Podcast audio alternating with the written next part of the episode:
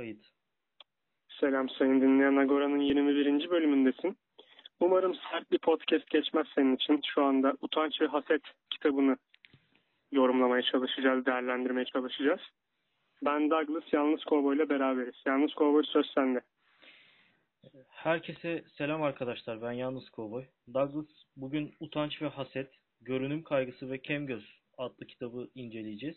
Yazarı Benjamin Kilborn. Psike İstanbul Psikanaliz Kitaplığı, İstanbul Bilgi Üniversitesi yayınları tarafından yayınlanmış bir kitap Douglas. Baskısı Bilgi İletişim Grubu Yayıncılık, Müzik, Yapım ve Haber Ajansı tarafından basılmış. Künyesini verdikten sonra Douglas istersen kitabın seçtiğimiz bölümlerden bahsedeyim biraz. 9. bölüm... Önce şeye baş, bahsedelim istiyorsan. Genel tabiriyle neler var başlık olarak sonra bizim bölümlere girelim. Douglas kitaba genel olarak baktığımız zaman utanç ve haset, kem göz o konular üzerinde durmuş. Freud'dan çok çok bahsetmiş Douglas. Gene Sigmund'u analım. Aslında Sigmund'un Sigmund'un da olması gereken bir podcast ama kendimiz çekiyoruz. İnşallah onu da bir gün çekeriz Douglas. Kitap 18 bölümden oluşuyor Douglas.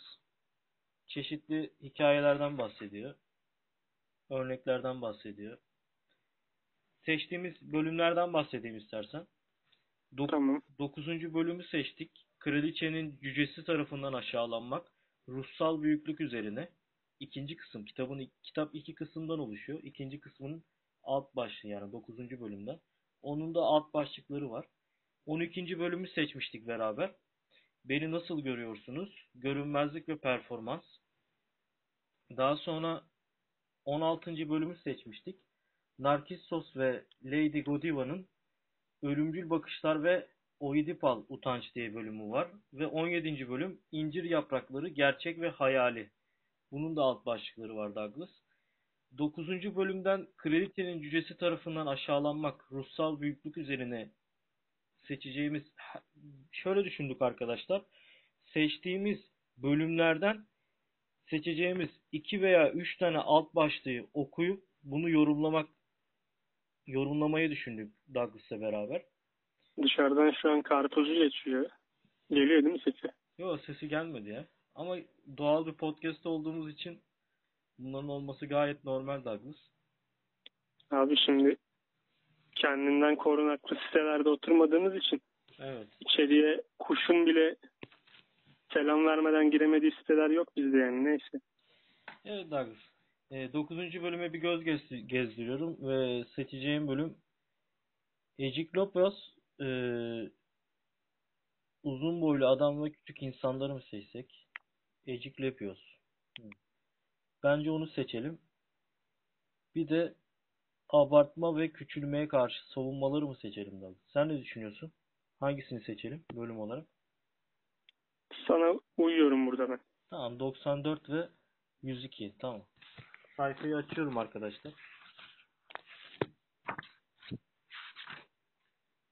Doksan volt. Ee, Eciklepios ve uzun boylu adam ve küçük insanlar. Büyüklük temsilleri her zaman önemli olmuştur. Antik Mısır'daki kraliyet tasvirleri her zaman diğerlerinden daha büyük olmuştur ve Antik Yunan'da ve genel olarak Akdeniz Havzası'nda insanlar rüyalarında haberci rüyaların alameti farikası uzun boylu adam tarafından ziyaret edilmişlerdir. Bu rüyaların başlangıcında uzun boylu adam önünde uzanan rüya sahibinin başında ayakta durur. Uzun boylu adamın rüya, rüyayı gören kişiye ismiyle seslenerek uykudasın demesiyle rüya başlamış olur. Bu tür anlatı gelenekleri rüyanın sıradan deneyimler deneyimden ayırt edilmesine, tanrılar ve insanlar arasındaki iletişimin sıradanlaştırılmasına ve insanların tanrılara ve onların elçilerine kıyasla statülerinin altının çizilmesine hizmet etmiştir. Yunan edebiyatındaki kale gibi yükselen rüya figürleri tanrıların ne kadar büyük olduklarını varlıklarıyla ölümlüleri bir kez daha hatırlatarak göreceli statüye işaret eder.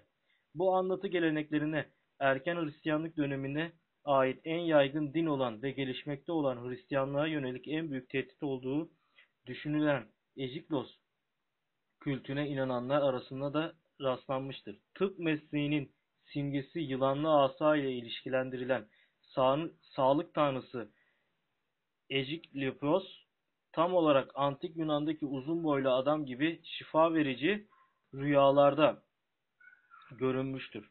Hasta hacılar rüyalarında sağlık tanrısının üstlerinden yükseldiğini gör- görmüşlerdir. Douglas telaffuzunu edemedim ama Asklepios diye yazılıyor. Ben Ejiklepios diyorum ama e, dinleyicilerimiz maruz görür inşallah.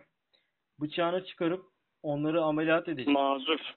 Evet, edecek. Ee, onlara nasihatler verecek ve bir şekilde acılarını hafifletecektir. Psikanalitik çalışmadaki düzende de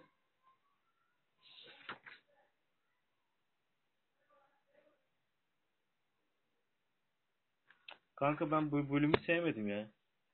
O zaman deva değiştirelim. Sıkıntı yok. Bu şekilde değiştirebiliriz. Bu şekilde mi? Tabii tabii. Çok güzel oldu böyle.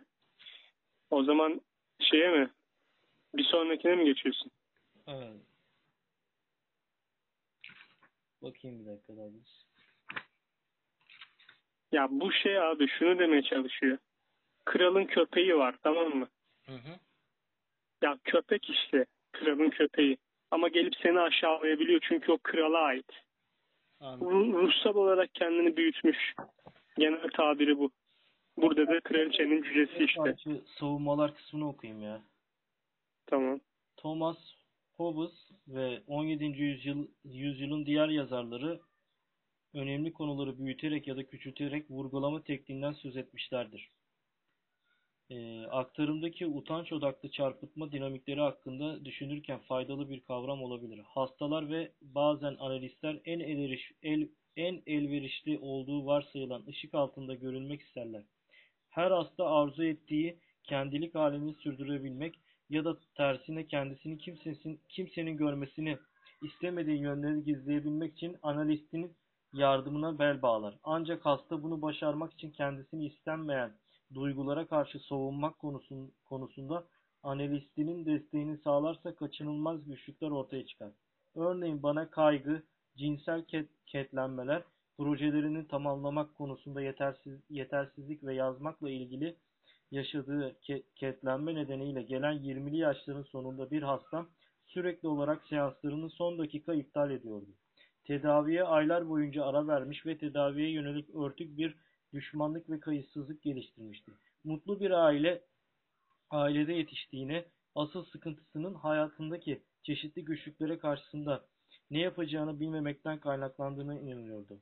Ancak yıllar içerisinde benim kabullenici ve sorgulayıcı duruşumun bu kendilik imgesini tehdit ettiğimin farkına vardı. Hoşgörülü bir tutuma karşı bu kadar nefret duymuş olmaktan utandığını söyledi. Bu hasta cinsel ketlenmelerinin ve cinsel yönelimiyle ilgili güçlüklerinin ayıplanması konusunda kendisiyle aynı fikirde olduğumu bilmek istiyordu. Onun utanç kaynağına yönelik hoşgörülü bir tutum, kaygı ve kafa karışıklığı yaratıyordu. Douglas. Hasta varmış galiba. Problemleri varmış herhalde Douglas. Yani toplum tarafından ayıplanmayı düşündüğün bir şeyde kendine yancı ararsın ya. Evet. Birisi senin gibi düşünüyorsa dersin en azından birisiyle bunu paylaşabilirsin yani. Douglas. Zaten insanlar terapiye falan da bundan ihtiyaç duymuyor mu? Evet. Peki bu eee, mesela ergenlik çağındaki insanların, gençlerin bu cinsel tutumları kendi ebeveynlerine anlatmakta zorlanan insanlar var tabii yani. Yani pek fazla cinsel cinsellik hakkında bilgisi olmayan ama yani Çünkü bedenen ebeveynleri de ebeveynleri de biraz buna körüklüyor gibi. evet. Ya bu konu hakkında ne düşünüyorsun Douglas? Yani bu gençler ne yapmalı sence? Abi tabu yapıyorlar. Anne babasıyla bile konuşamadıktan sonra bir konuyu bu cidden nasıl bir ailesin diye sorgulatır seni. Şimdi diyorlar ki ya gençler biraz daha olgun insanlarla her şeyde konuşamaz.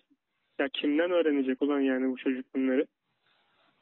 Olayın bir de o, o boyutu var. Sen bir ebeveyn olarak çocuğuna bunları öğretmeyeceksen kimden öğrenmesini bekliyorsun? Sonra senin figürün yani senin yapmadığın şeyi başkasında buluyor yani. başka birisine o figürü yüklüyor ve sonra diyorsun ki çocuk benden niye uzaklaştı? E tabii uzaklaşır yani. Evet Douglas. Ee, 12. bölüme geçelim istersen. Bu bölüm Tamam. pek fazla ne bileyim beni beni bana hitap eden bir bölüm olmadı Douglas ya. O yüzden dinleyicilerimizden özür diliyorum.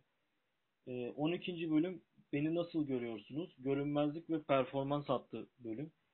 Seçtiğimiz başlık teşhir ve görünmezlik Douglas. Bir de aşık sanatçısını mı seçmiştik seninle beraber? Evet evet. 134 ve 143.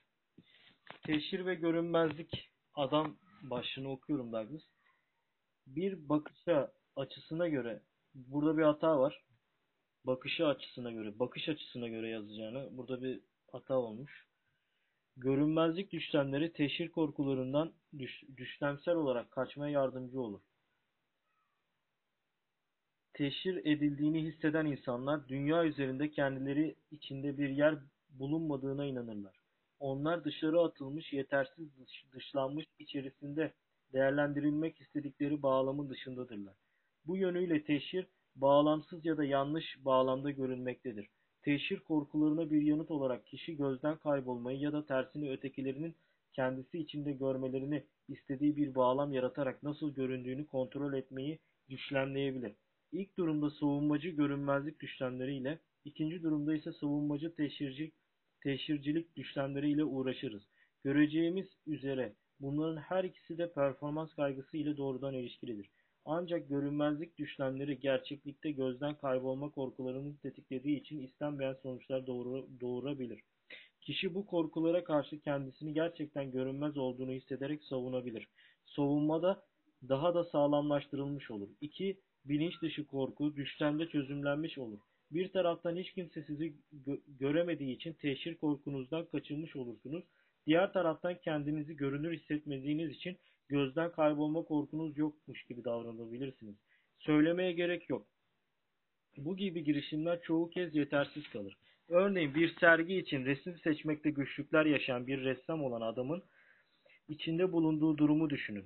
Adam için seçimler yapmak, kendisinin ötekilerin anladıklarını, düşündüklerinin bir imgesini yaratarak kendisini bile bile yanlış bir şekilde tanıtmak anlamına geliyordu. Bu esnada kendisini gözlerden kaçırmış oluyordu. Seçim yaparken çektiği acı ötekilerin örneğin ebeveyninin onun orada olmamasıyla ilgili arzularına boyun eğerek bir resim seçip diğerlerinden vazgeçmekle böylece farkında olmadan kendisini görünmez kılmakla ilgili korkularını ifade ediyordu. Aşağılayıcı bir teşhir duygusunu duygusuna yol açmayacak bir sergi hayal edemiyordu.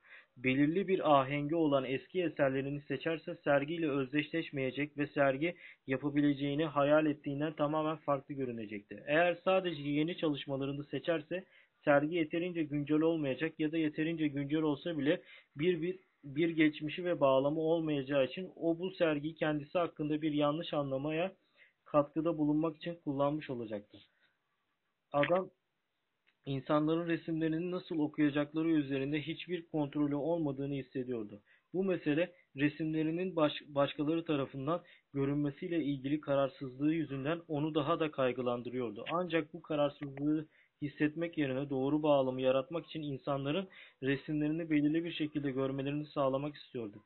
Bulduğu bu çözüm çözümle ilgili sorun doğru bağlamın ne olduğunu asla bilmeyecek olmasıydı. Takdir edilmediği ve yanlış anlaşıldığını hissediyordu. Bu yüzden rahatsızlık verici bir bilinç dışı uz uzlaşıma vardı. Aşağılanma korkularını kontrol edebildiği duygusunu sürdürebilmek için eseriyle ilgisini kesti. Böylece onların kendisiyle hiçbir ilgisi olmadığına ikna olabilecekti. Esas itibariyle kendisi olmayan bir şeyi resimlerini geride bırakarak gözden kaybolmuştu ve kendisi değilse bile resimlerinin anlaşılabileceği ve takdir edilebileceğine inanıyordu. Adam ancak ölümünden sonra keşfedileceğini ve ünlü olacağını düşünmüyordu. Adı üstünde sergi, sergileme, teşhir etme ve teşhircilik anlamlarına gelir. Adamın can attığı şey bilinç dışında sürekli görünmediğini ve görmezden gelindiğini hissediyor ve ötekilerin kendi kimlik algısını oluşturabilmek için onlara ne kadar çok baktığını görebileceklerini düşünerek utanç duyuyordu. Bu yüzden görünmez olmakla ilgili her zamankinden daha ikna edici düşlemler yaratıyordu. Bu düşlemler adamın bazı sorunlarını çözüyor ancak tamamen tanınmaz tanınamaz olmakla ilgili kaygılarını şiddetlendiriyordu. Adam bana göre adam bana görünmez olmanın hem olumlu hem de olumsuz yanları olduğundan söz etti. Görünmeyen insanı insan görünmez adamın gün, günlüğü filmindeki gibi düşmanlarını gafil avlayabilirdi ama onu gö görmeyenler tarafından da vurulup devrilebilirdi. Doğrudan karşılaşmalarda karşı taraf tarafı şaşırtabilir, günlük hayatta ise orada olduğunun farkında bile olmadığı için onu deviren insanların insafına kalabilirdi. Ne yazık ki adamın görünmezlik düş düşlemleri yolunu şaşırmıştı. Analizde görünmezlik düşlemlerine geri çekildikçe gör görmezden gelinmenin kendisini daha fark etmeye başladı. Adamın söylediği gibi kendisini ortaya koymaya ne kadar yaklaşırsa olduğun, olduğunu hissettiği insan olarak yanlış anlaşılacağından duyduğu kaygı o kadar artıyordu. Şu halde adamın görünmezlik düş, düşlemleri kısmen yanlış anlaşılma korkularını alevlendiriyordu. Benim onu yanlış anlamamı istemediği için geri çekiliyordu. Duyguları her zaman ilişkinin çerçevesinin dışında kalıyordu. Kendisini bana daha çok açmaya uğraştıkça onun nasıl hissettiğini anlam anlamamdan daha çok korkuyordu. Casusların düşman devletleri bilerek yanıltması gibi bilinç dışında yanlış anlamalara, benim yanlış anlamalarıma neden neden olanın kendisinin olduğunun farkındaydı. Douglas benim anladığım burada bir tane ressam varmış.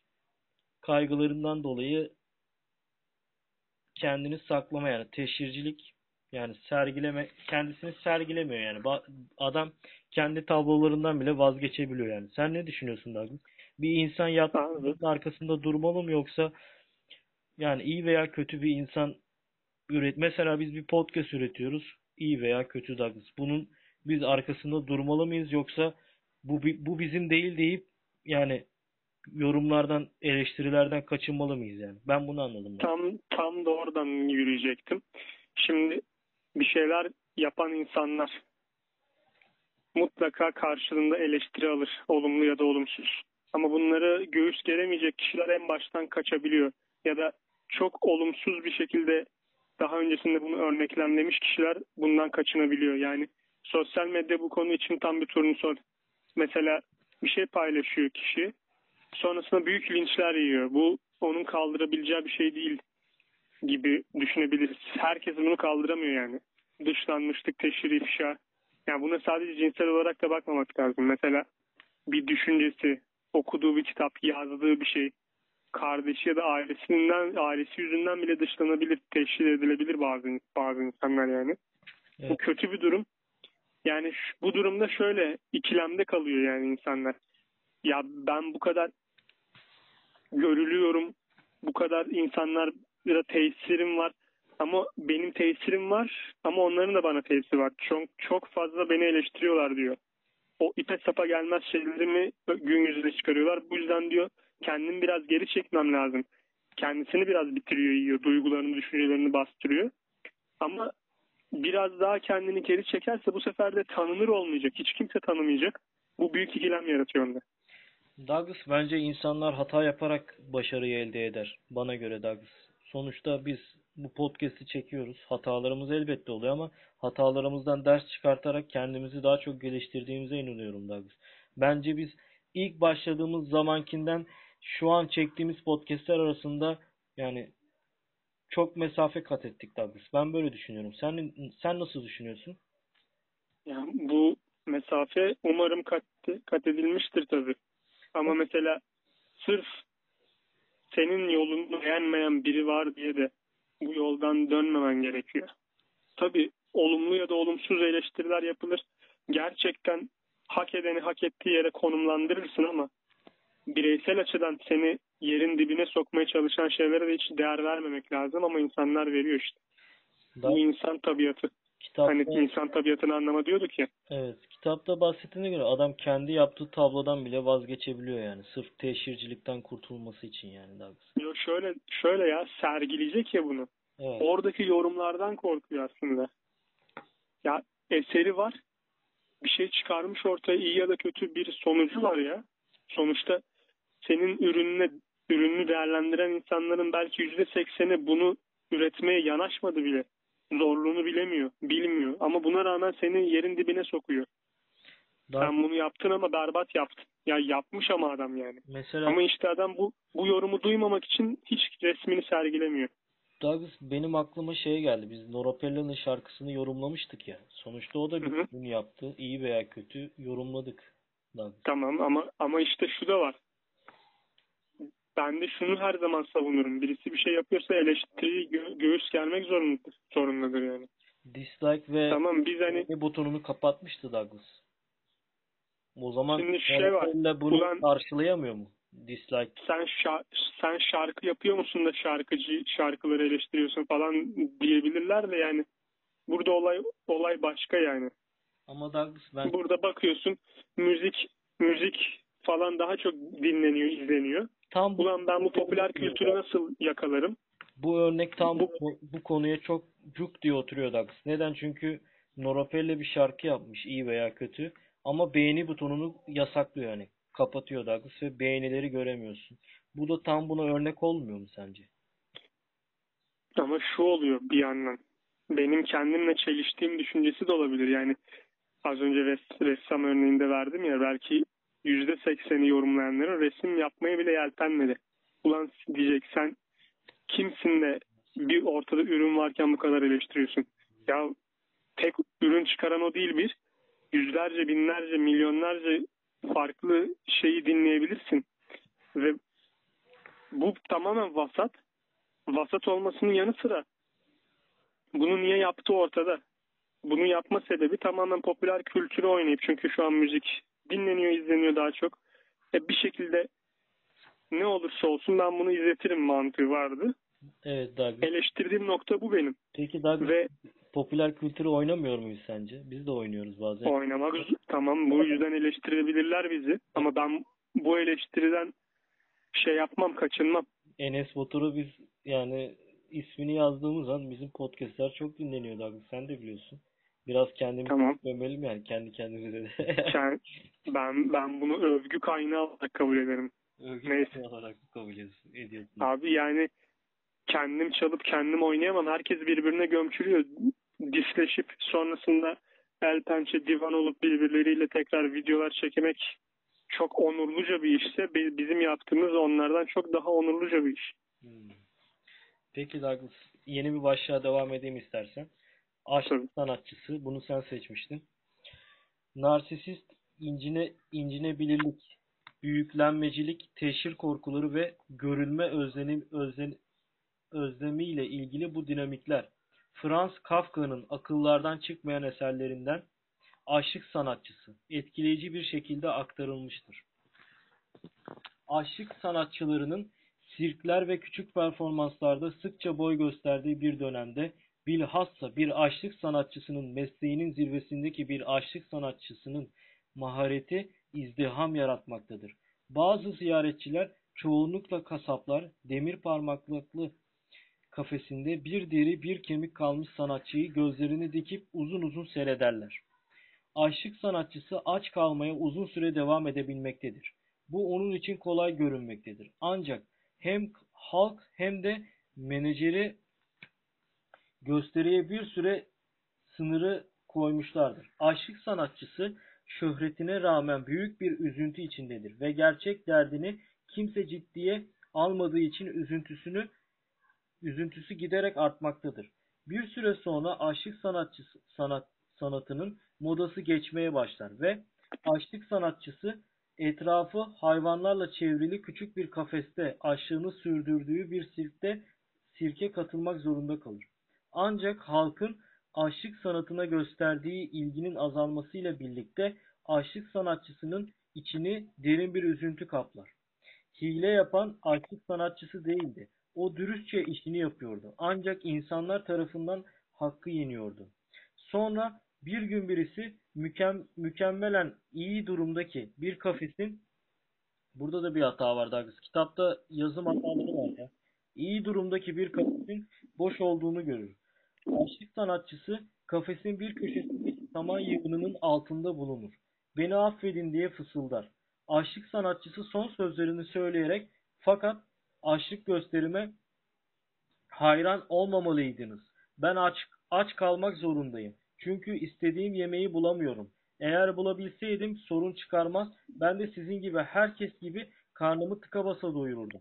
Aşık sanatçısının ölümünden hemen sonra kafesi temizlenir ve yerine parlaklığı, iştahı, kafeste sağa sola sıçrayışları, keyifli bir seyirci, sürüsünü de beraberinde getiren vahşi bir panter konur. Aşık sanatçısı bu kitabın önemli temalarından birisini unutulmaz bir canlılıkla dile getirir. Alkış, tezahürat, şöhret ve itibarın bağımlılığın ardında kişinin kendisini ayakta tutacak besini dışarıda bulabileceğine dair bütün ümidini kaybetmiş olduğu inancıyla eş anlamlı bilinç dışı korku yatar. Bu tür utanç yüklü bilinç dışı korkular dışarıdaki hiç kimsenin içeriği göremeyeceği ve kimse tarafından görülemeyenin var olamayacağını inancını pekiştirir. Sonuç kelimelerle ifade edilmeyecek kadar ümitsiz bir tecrittir.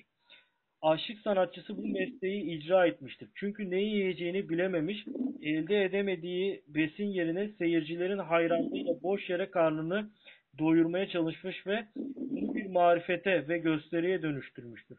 Onun alçaltıcı bir mahrumiyet, boşluk, tecrit ve çaresizlik olduğunu hissettiği şeye bunu bir itidal olarak gören halk hayran. Evet Douglas. Sirk'te aşık sanatçısı varmış. Franz Kafka'nın bu galiba Douglas. Kafka'nın ölmeden önce yazdığı son öykü aynı zamanda. Ee, aşık sanatçısı varmış Douglas kafeste. Seyirci tarafından alkışlanıyor. Bir, bir gün sonra zaten ömrünü tamamladıktan sonra ölüyor. Şimdi, Önüne bir panter koyuyorlar. O da sıçrıyor. Tam karnını doyuruyor falan. Ne düşünüyorsun? Tam olarak birebir aynı örneği verir mi bilmem ama son günlerin revaçta konusu ne? Survivor. Evet. İşte Allah'ın açlık sanatçısı. Ama da en çok izlenen en çok izlenen gerçekten beğendim bak. Güzel hikayesi güzel. Bak. De, benzer bir yöntemle izleniyor. Şöyle ki orada insanların ya bu sene biraz öyle olmadı ama insanlar bizim toplumumuz falan biraz daha böyle nasıl zorluklar yaşıyorlar, aç kalışları, işte yemek yeme istekleri falan onları görmek için sırf yemek için nasıl yarıştıklarını görüyorlar mesela Survivor'da. Douglas benim bu bölümde dikkatimi çeken şey şu oldu yani halk adam aşık sanatçısı sonuçta aç. Halk bunu seyrediyor, alkışlıyor, tezahürat yapıyor. Ama işin asıl gerçekliğini bilmiyor. Adam ne yiyeceğini bilemediği için aç kalıyor yani Douglas. Yoksa kitapta bahsettiği gibi adam ben ne yiyeceğimi bilseydim eğer ben de herkes gibi karnımı doyururdum diyor. Ama karnını doyurmak yerine yani hayran olduğu seyircilerin tezahüratlarını yani boş boş bakarak kendi kendini doyurduğundan bahsediyor kitap. Bu konu hakkında ne düşünüyorsun Douglas? Öyle abi. Yani bak kitaptan açlık sanatçısı Franz Kafka'dan bir iki pasaj ben okuyayım mı sana? Olur menajeri gösterinin maksimum süresini 40 gün olarak belirlemişti. Büyük kentlerde bile daha fazlasına asla izin vermezdi. Bunun için iyi nedenleri vardı. Bugüne kadar edindiği tecrübeler ona 40 günlük bir sürede reklam sayısını arttırarak kentin ilgisini canlandırabileceklerini göstermişti. Fakat 40 günün sonunda kalabalıklar dağılır, ilgi gözle görünür oranda azalırdı. Uzun zamandır işe yaramayan bu hayvanın kafesin içinde kendisini oradan oraya atışını görmek en zor anlayan beyinlerin bile fark edebileceği bir gelişmeydi. Panterin her şeyi vardı. Bakıcıları hiç tereddütsüz hayvanın sevdiği tüm yiyecekleri getiriyorlardı. Özgürlüğünü bile aradığı söylenemezdi. İhtiyacı olan her şeyinin neredeyse tık sırana kadar tedarik edildiği bu asil vücut çevresinde özgürlük barındırıyor gibiydi. Sanki bu özgürlük çenesinde bir yerlere takılmıştı. Hayattan aldığı haz gırtlağından öyle bir güçle dışarı çıkıyordu ki onu izleyenlerin kaçmaması mümkün değildi. Fakat yine de bu duygunun üstesinden gelip kafesin etrafında toplaştılar ve oradan asla ayrılmak istemezlerdi. Yani açlık sanatçısının kafesine bir panter getirip koymuşlar. Pantere istediği ya her türlü yemeği veriyorlarken açlık sanatçısına hiçbir şey verilmiyor mesela. Evet Douglas.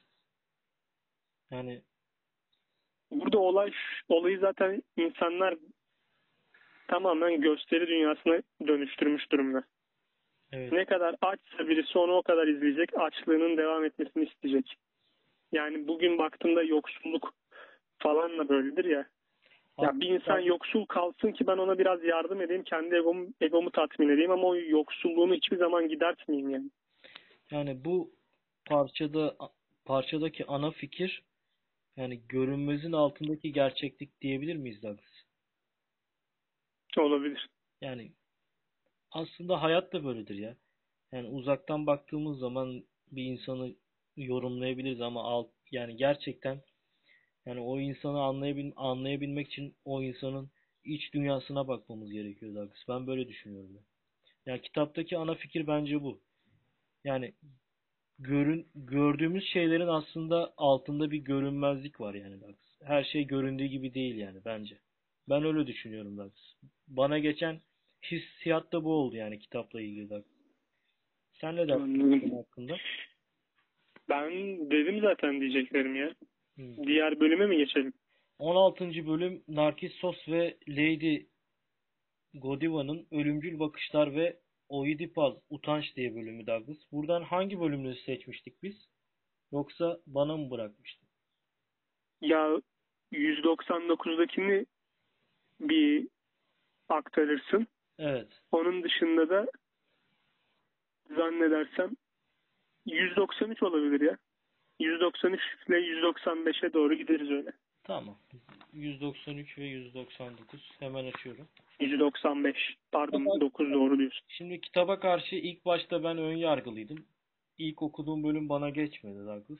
Ama sonraki yani bu çektiğimiz Franz Kafka'nın Aşık Sanatçısı bölümünü okuduğum zaman hani hikaye olduğu zaman benim hoşuma gitmedi değil Douglas. Ya ilk okuduğum bölüm de aslında fena bir bölüm değildi. Ama şey değil. Biraz sanki bize içine çekemedi gibi. İçine çekemedi gibi değil mi Douglas? Ya sende de oluyor mu bazen kitap okurken bazı bölümler benim içimi çekmiyor Douglas. Yani bir kitap beni böyle bende merak uyandırması gerekiyor ya. Douglas. Nedense bende bu benim yani kişisel görüşüm yoksa normalde her Abi merak uyandırmayan hiçbir şeyi kimse okumaz ya. Hmm. Ama senin Mesela- sen almazsın başkası alır işte. O olay o. Ressam kısmı güzeldi. Ressam hikayesinden bir şeyler çıkarttık. Ee, aşık sanatçısından bir şeyler çıkarttık. Şimdi daha devam edelim o zaman. 190 Tamam. Narsisist acı, bakma ve aynalar alt başlığı. Narsisist patolojiler sergileyen kişiler bilhassa utanca eğilimdir, eğilimlidirler. Sadece acılarını ifade etmek, başarılı bir şekilde gizlemek ya da silmek konusunda yetersiz, yetersiz olmakla kalmaz. Aynı zamanda bu kadar kolay yaralandıklarını hissettikleri için utanç duyarlar. Ötekilerin kendilerinin ne kadar yaralanmış, kusurlu ya da kırılgan hissettiklerini görmelerinden korkarlar. Ötekiler tarafından bencil oldukları, tartışmaya katılmadıkları ve var olmadıkları için eleştirilirler. Halbuki ister istemez ancak farkında olmayarak ötekilere bağımlıdırlar.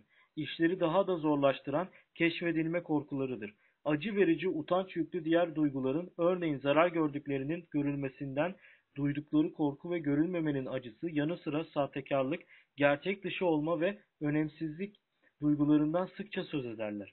Aslında narsisistler sınırlarla ilgili kısmen Narkissos mitinin ortaya koyduğu karmaşa yüzünden ötekilere göre yönlerini gerçekten bulamazlar. Son olarak narsisist geri çekilmenin, gözden kaybolma ve kendiliğinin kaybı, derin ancak kaynağı bilinmeyen kusur ya da hatalara işaret ettiği, çoğu kez utanç verici olduğu hissedilir.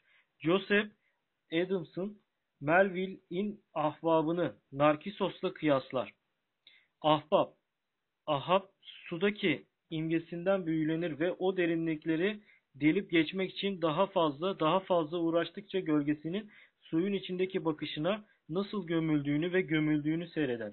Ahab denize bir gözyaşı damlası akıtır. Bütün bir Pasifik'te o tek damla gözyaşı kadar zenginlik yoktur. Pamuk Prenses ve Yedi Cüceler masalında ayna kendisine bakanın masalda kötü cadı görmek istediğini geri verir. Ve bir gün artık vermediğinde sonuç öldürücü bir öfkedir. Douglas burada Pamuk, Pamuk Prenses'te e, Yedi Cüceler, Cüceler masasın, e, masalına değinmiş. Burada devam edelim. Bizim Sigmund'un da Pamuk Prens ve Yedi Dev diye bir masalı vardı. Evet. Buradan ona da göz kırpalım. Narsisistlerin öfkesi ancak ayna ihtiyaç aynaya ayna ihtiyaç duyduklarını onlara verdiğinde uzakta tutulabilir. Narsisistlerin aynaya kendi imgelerinden bağımsız olarak var olabileceklerine inanmadıkları için duydukları bağımlılık ölümcül bir gözden kaybolma tehlikesi altında olduklarını açığa çıkarır. Prandello'nun Çıplakları Giydirmek adlı oyununda Ercilia'nın söylediği gibi ötekiler için herkes olan kendisi, kendisi için hiç kimsedir. New Civic dergisinin yakın tarihli bir kapağını düşünün. Pejmürde bir adamcağız, perişan görünümlü köpeğiyle birlikte kendilerini olduklarından bir hayli farklı gösteren bir aynaya bakıyor. Aynadaki imgesinde adam takım elbiseli, kravatlı, zarif bir beyefendi. Yanındaki ise safkan bir köpek olarak görünüyor. Aynaya bakmanın esası görmekten çok hayal etmektir. Anne Hollander'ın sözü, sözünü ettiği gibi aynadaki o tanıdık yüz her zaman umutsuzca kişisel bir kurgudur. Onu sahibinden başka hiç kimse görmez. Efsanelerde ayna çoğu kez kibir, kendini kandırma ve kendini sahte olanın gerçek olduğuna inandırma ile ilişkilendirilir. Hakikatin imgeleri, ışığı ve dünyayı yansıtması için aynayı, aynayı kendisinden uzak tutan bir kadını resmeder. Yine Eflatun'un izleri. Kadın aynada asla kendisine bakmaz. Onu asıl orada olmayanı görmek için kullanır. Geçmiş, gelecek başka bir yer ve, ve benzeri. Hollander, Rönesans sanatında bir ayna küçük bir resme dönüştürüldüğünde imge daima bir kurgudur der. Fakat kurgular bile asla tam olarak göründükleri gibi değildir. Bakış aynada nesnesi olarak özneyi ve öznenin bakışını alır. Bu kendini kendi portre, portrelerini yapan ressamlar örneğin Velázquez, Rembrandt, Chardin ve Picasso tarafından oldukça etkili bir şekilde kullanılan, kullanılan bir ilkedir. Resim kendi bakışını inceleyen ve o bakışta ötekilere ressamın yaptığı resme ve kendi, kendi oluşturduğu imgesine bakacaklarını hayal ettiği kurgusal ötekilere ifade edilecek bir şey yakalamaya çalışan ressamı temsil eder. Douglas benim burada anladığım narşist karakterden bahsetmiş. Narşist de zaten hep kendisinin ön planda olduğu, başkalarının görüşlerini önemsemediği, kendini istediği gibi gören kişilere tabir edilir diye biliyorum Douglas. Ama ama burada tam tersinden bahsediyor. Yani şöyle kendini çok seviyor evet ama hiçbir eleştiriyi kabul edemiyor. Evet. Bu nedenle de bu nedenle de keşfedilmek istemiyor. Çeşitli masallardan ve oyunlardan örnekler vermiş Douglas. Prenses, ay, Pamuk Prenses ve Yedi Cücelerdeki cadıdan bahsetmiş. Yani aynı olayı var. Yani cadı dünyadaki en güzel kim sorusunu sorduğu zaman ayna Pamuk Prenses'i gösteriyor. Pamuk Prenses'i öldürmek için de bir avcı tutuyor ve onun üzerine gönderiyor Douglas. Öyleydi. Tesa tesadüftür ki Sigmund'un hikayesinde de Pamuk Prens var. Evet. Kraliçe aynaya sorduğunda Pamuk Prens'in ondan daha güzel olduğunu görünce, duyunca ulan nasıl olur diyor bir erkek benden daha güzel.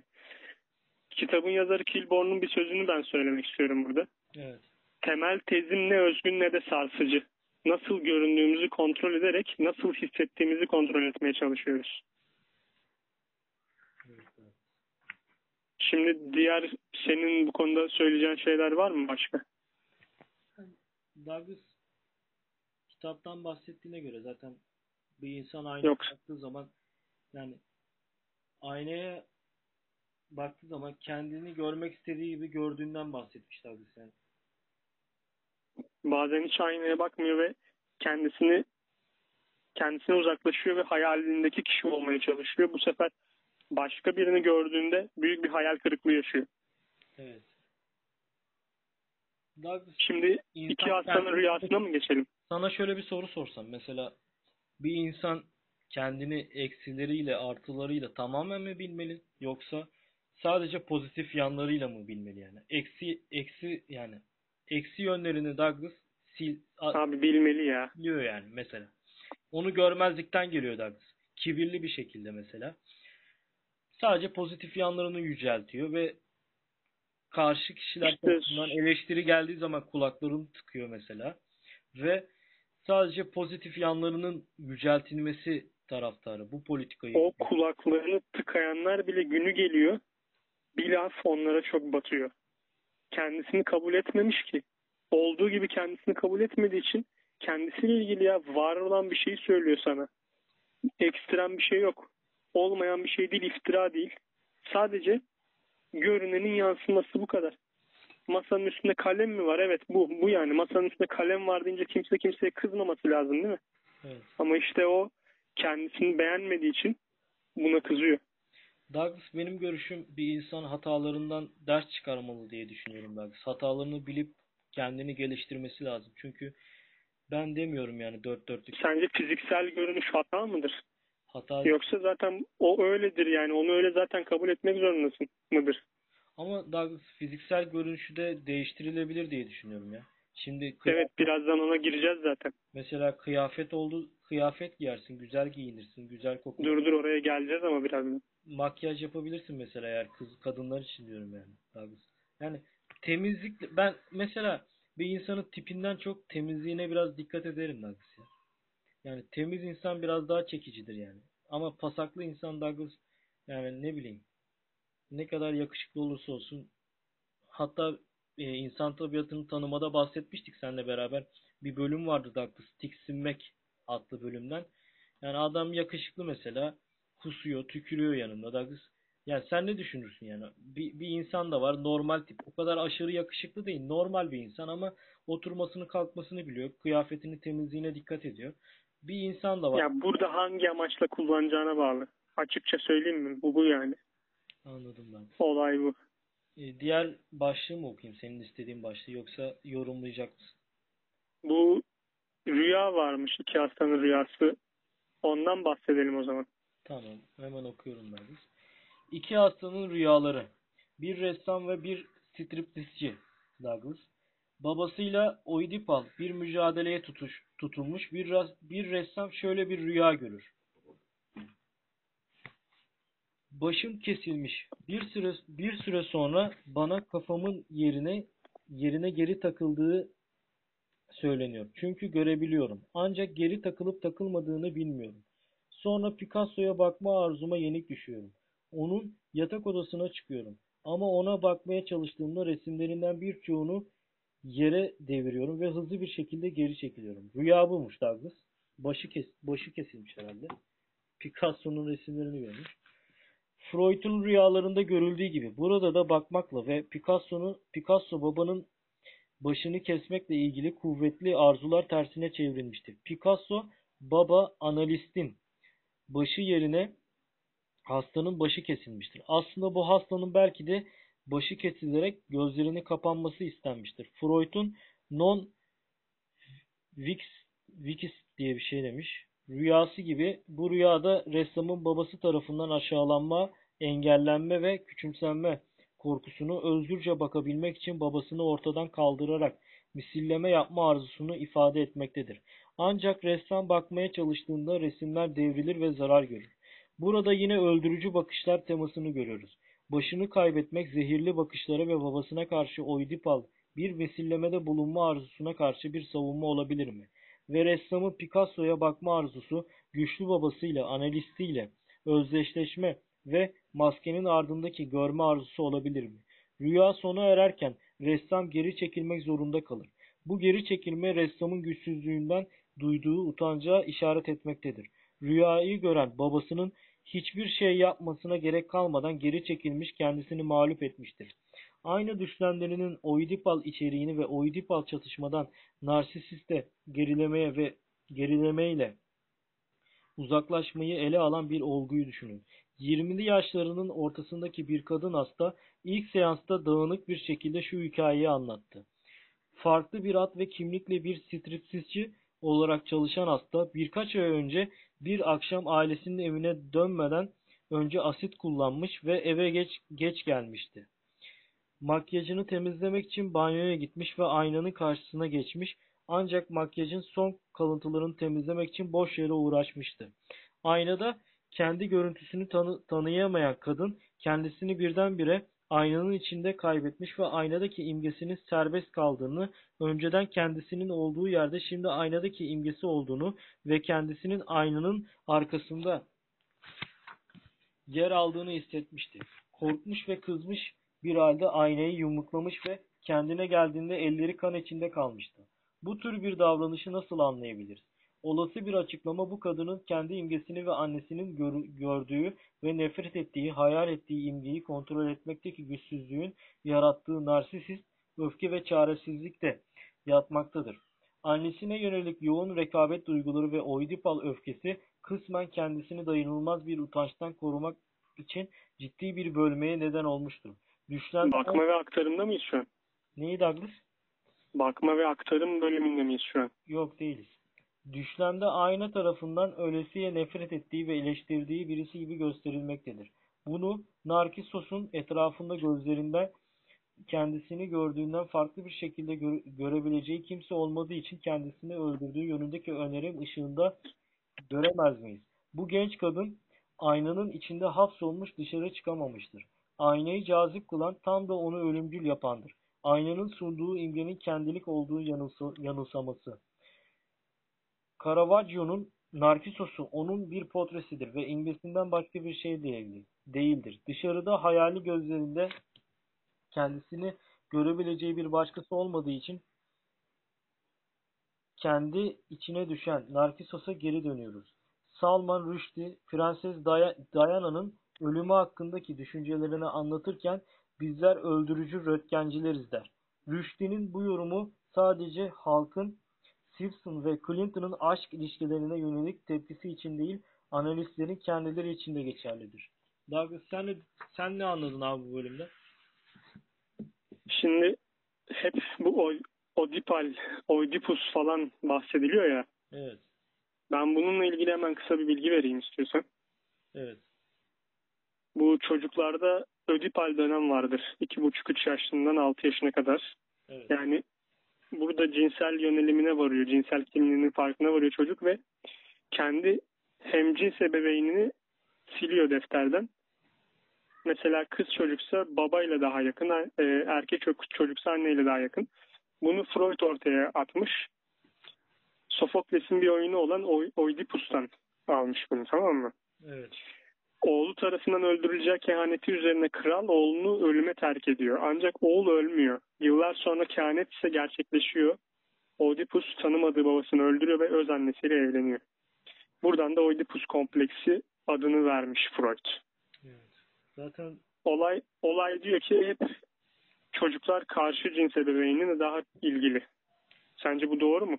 Douglas kitapta zaten bir kadından örnek vermiş. O da annesine düşmanmış galiba. Aynada gördüğü karakterden güçsüz düşüyormuş. Ondan bahsetmiş.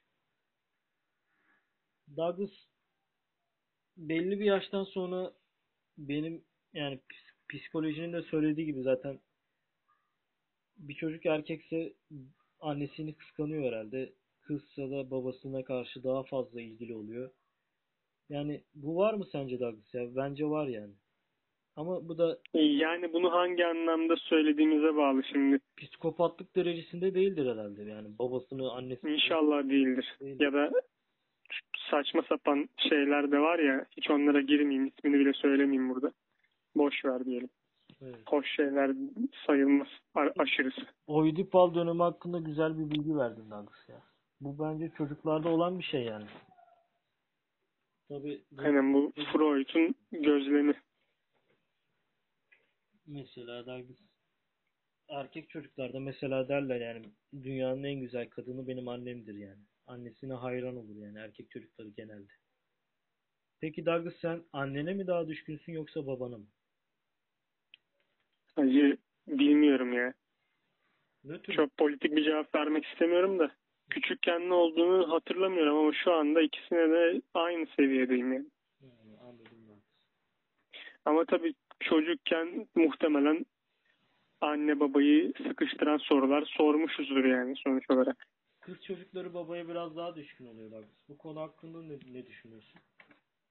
İşte tam bu Oedipal, Ödipal ya da Oedipal kompleksi denilen olay. 17. bölüme mi geçelim Douglas? Konu hakkında konuşalım. Geçelim 17. bölüme. Orada da Ee, Freud ve teşhircilik var.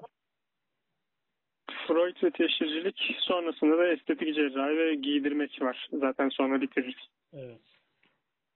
Hemen başlayalım artık. Seni de bekletmeyiz. 203.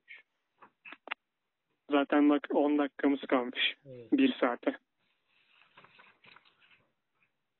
Biz bir podcastleri yetiştiremiyoruz ya? Eleştireyim kendimi. 203 herhalde tamam mı? Ha okuyayım bakalım. 17. bölüm İncil- 204. 204 mü? Evet. Ya biz kitap kitap pdf'ini mi buldun? Ne yaptın?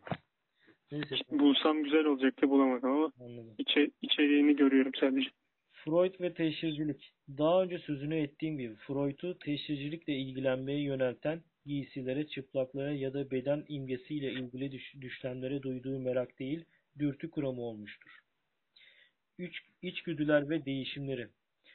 Ee, bakmanın ve bakılmanın Narkisos ve Godiva ile ilgili bölümde tartışılan yıkıcılığı bize hatırlatarak teşhircilik ve gözetlemecilikle sadizm ve mazoşizm arasında doğrudan ilişki kurar.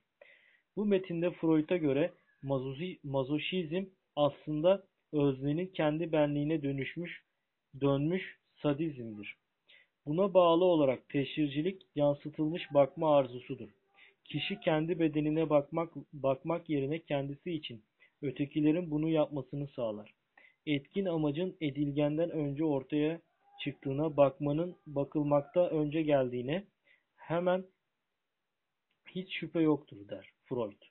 Burada Freud görmezden geldiği kavramsal bir güçlükle karşılaşır. Bakma ve bakılma söz konusu olduğunda etkin olanı edilgenden içeriye dışarıdan kolayca ayırmak imkansızdır.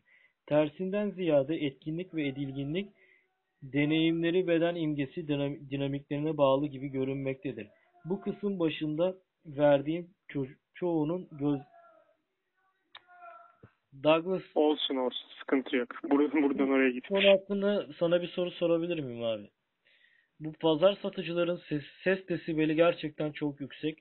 Yani bizim belki opera sanatçılarımız yoktu. Bu insanlardan opera sanatçısı çıkar mı Douglas ya? Çok merak ettim vallahi. Abi ki- e, birkaç zamandır zaten pazarda bağırmak yasak değil mi?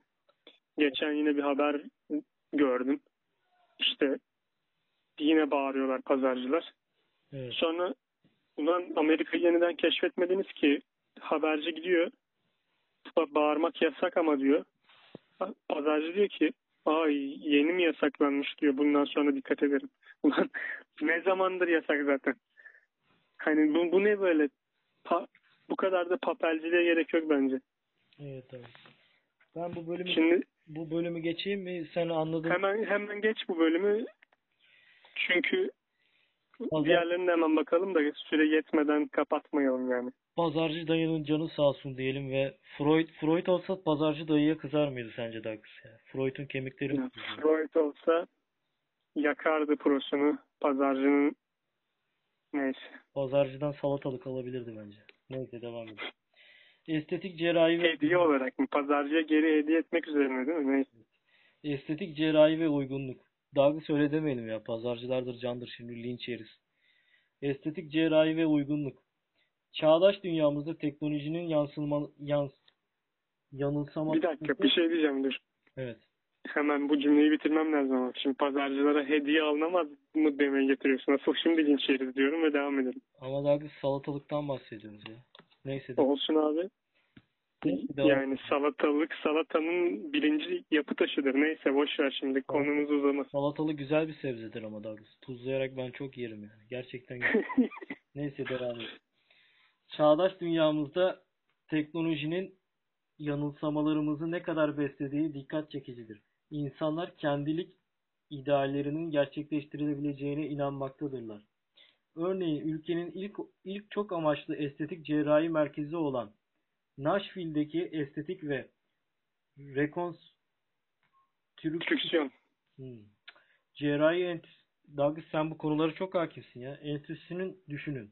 Her yıl binlerce insan mevcut tasarımlarının modern estetik cerrahinin mümkün kıldığı tasarımlarla değiştirildiği ve elektronik olarak birbirine karıştırıldığı bu bilgisayarlı görüntüleme merkezine de gelmektedir. Burada fiilen bir baştan yaratma menüsü bulunmaktadır. Charles Siebert'in yazdığı gibi bütün estetik cerrahi hastaları operasyona bu şekilde bir kontür haritasına dönüştürülerek hazırlanırlar. Cerrahların mevcut yüz, karın ya da kalçaları daha arzu edilebilir olanla değiştirmesine rehberlik etmesi için siyah keçeli kalemle çizilmiş eş merkezli daireler, karma karış- karışık işaretler ve oklar. Ee, Fransız bir performans sanatçısı ve Dijon'daki École des Beaux-Arts'ta e, güzel sanatlar profesörü olan Orlun'un performanslarını düşünün. Orlun adlı e, bunun bir tane varmış. Beyan Kars çalışma Bence bir sonraki bölüme geçelim hemen. Bu bölüm hakkında sen bir şeyler söyleyecek misin? parçası olarak 1990 yılından beri 9 ayrı estetik operasyon geçirmiştir. Bir operasyonda Mona Lisa'nın alnının alnını, bir diğerinde Guillaume'un gözlerini, bir başkasında tamam da sen bu konuyu anladım. Farklı farklı. Ya, olay şu Kim Kardashian'ın kalçasını yapın bana bilmem neyin göğsünü yapın diyor. Aha. İşte onun burnunu şunu şurasını al. Douglas bir de Ya işte ne bir şarkı vardı. Başkası olma kendin ol böyle çok daha güzelsin. mesela estetik yaparken çiziyorlar ya yüzünü falan. Onlardan bahsetmiş. Neyse bu konu Yani estetik ameliyat oluyorsan da estetik ameliyat oluyorsan da kendi stilinde ol ya. Bana şunun burnunu yapın falan deme yani. Çıplakları Devam. kısmını ben hızlı bir şekilde okuyayım. Zaten süremiz de azaldı. Çıplakları Tamam. giydirmek. Prandello'nun çıplakları giydirmek adlı oyunu. Çıplak hissetmekten ve çıplak olduğunun görülmesinden kaçınmak için verilen umutsuz bir mücadeleyle birlikte bu mücadelenin bütün simgeleştirilebileceklerini ifade eder. Kahraman Ercilla Diri ilk andan itibaren gözlerinde kendisi olarak var olmayı imkansız bulduğu insanların önünde imkansız bir şekilde çıplak olduğunu intihar nitelikli öldürücü bir öfkeye kapıldığını, ipe çekildiğini hissetmektedir. Oyunun açılışında Ersilya nerede olduğunu bilmiyormuş gibi hem kendisi hem de ötekiler için kaybolduğu ve duygusunu aktarır. Kısa bir süre sonra kendisini öldürmeye çalıştığı anlaşılır. Bu ilk karmaşa ve kafa karışıklığı oyun boyunca giderek daha şiddetli ve şaşırtıcı hale gelerek devam eder. Prandello üstü kapalı bir şekilde kaybolmuş ve kafası karış, karışmış hissetmekle çıplak ve çıplaklık ve utanç arasında benim diğer bölümlerde kurduklarıma benzer bağlamlar kurar.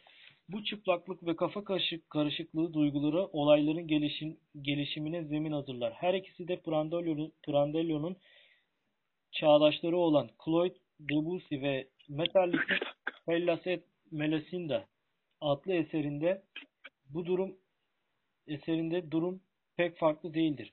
Anlamadığı bir dünyanın hayrete düşürdüğü Melisande da tamamen kaybolmuştur. Sahneye ilk çıktığında dokunma bana diye tekrarlamaktadır. Sahneye daha sonra giren karakterler şöhretli bir roman yazarı olan e, Ludovico Nota. Herhangi biriyle gerçek bir temasta bulunmakta güçlük çeken soğuk ve düşünceli birisi. Ve onun ev sahibesi Signora Honoria.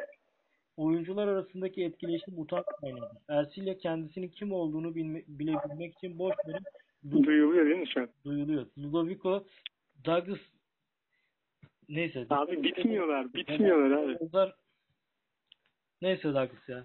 Bence pazar O zaman toparlama yapıp son kapanışı senden alalım.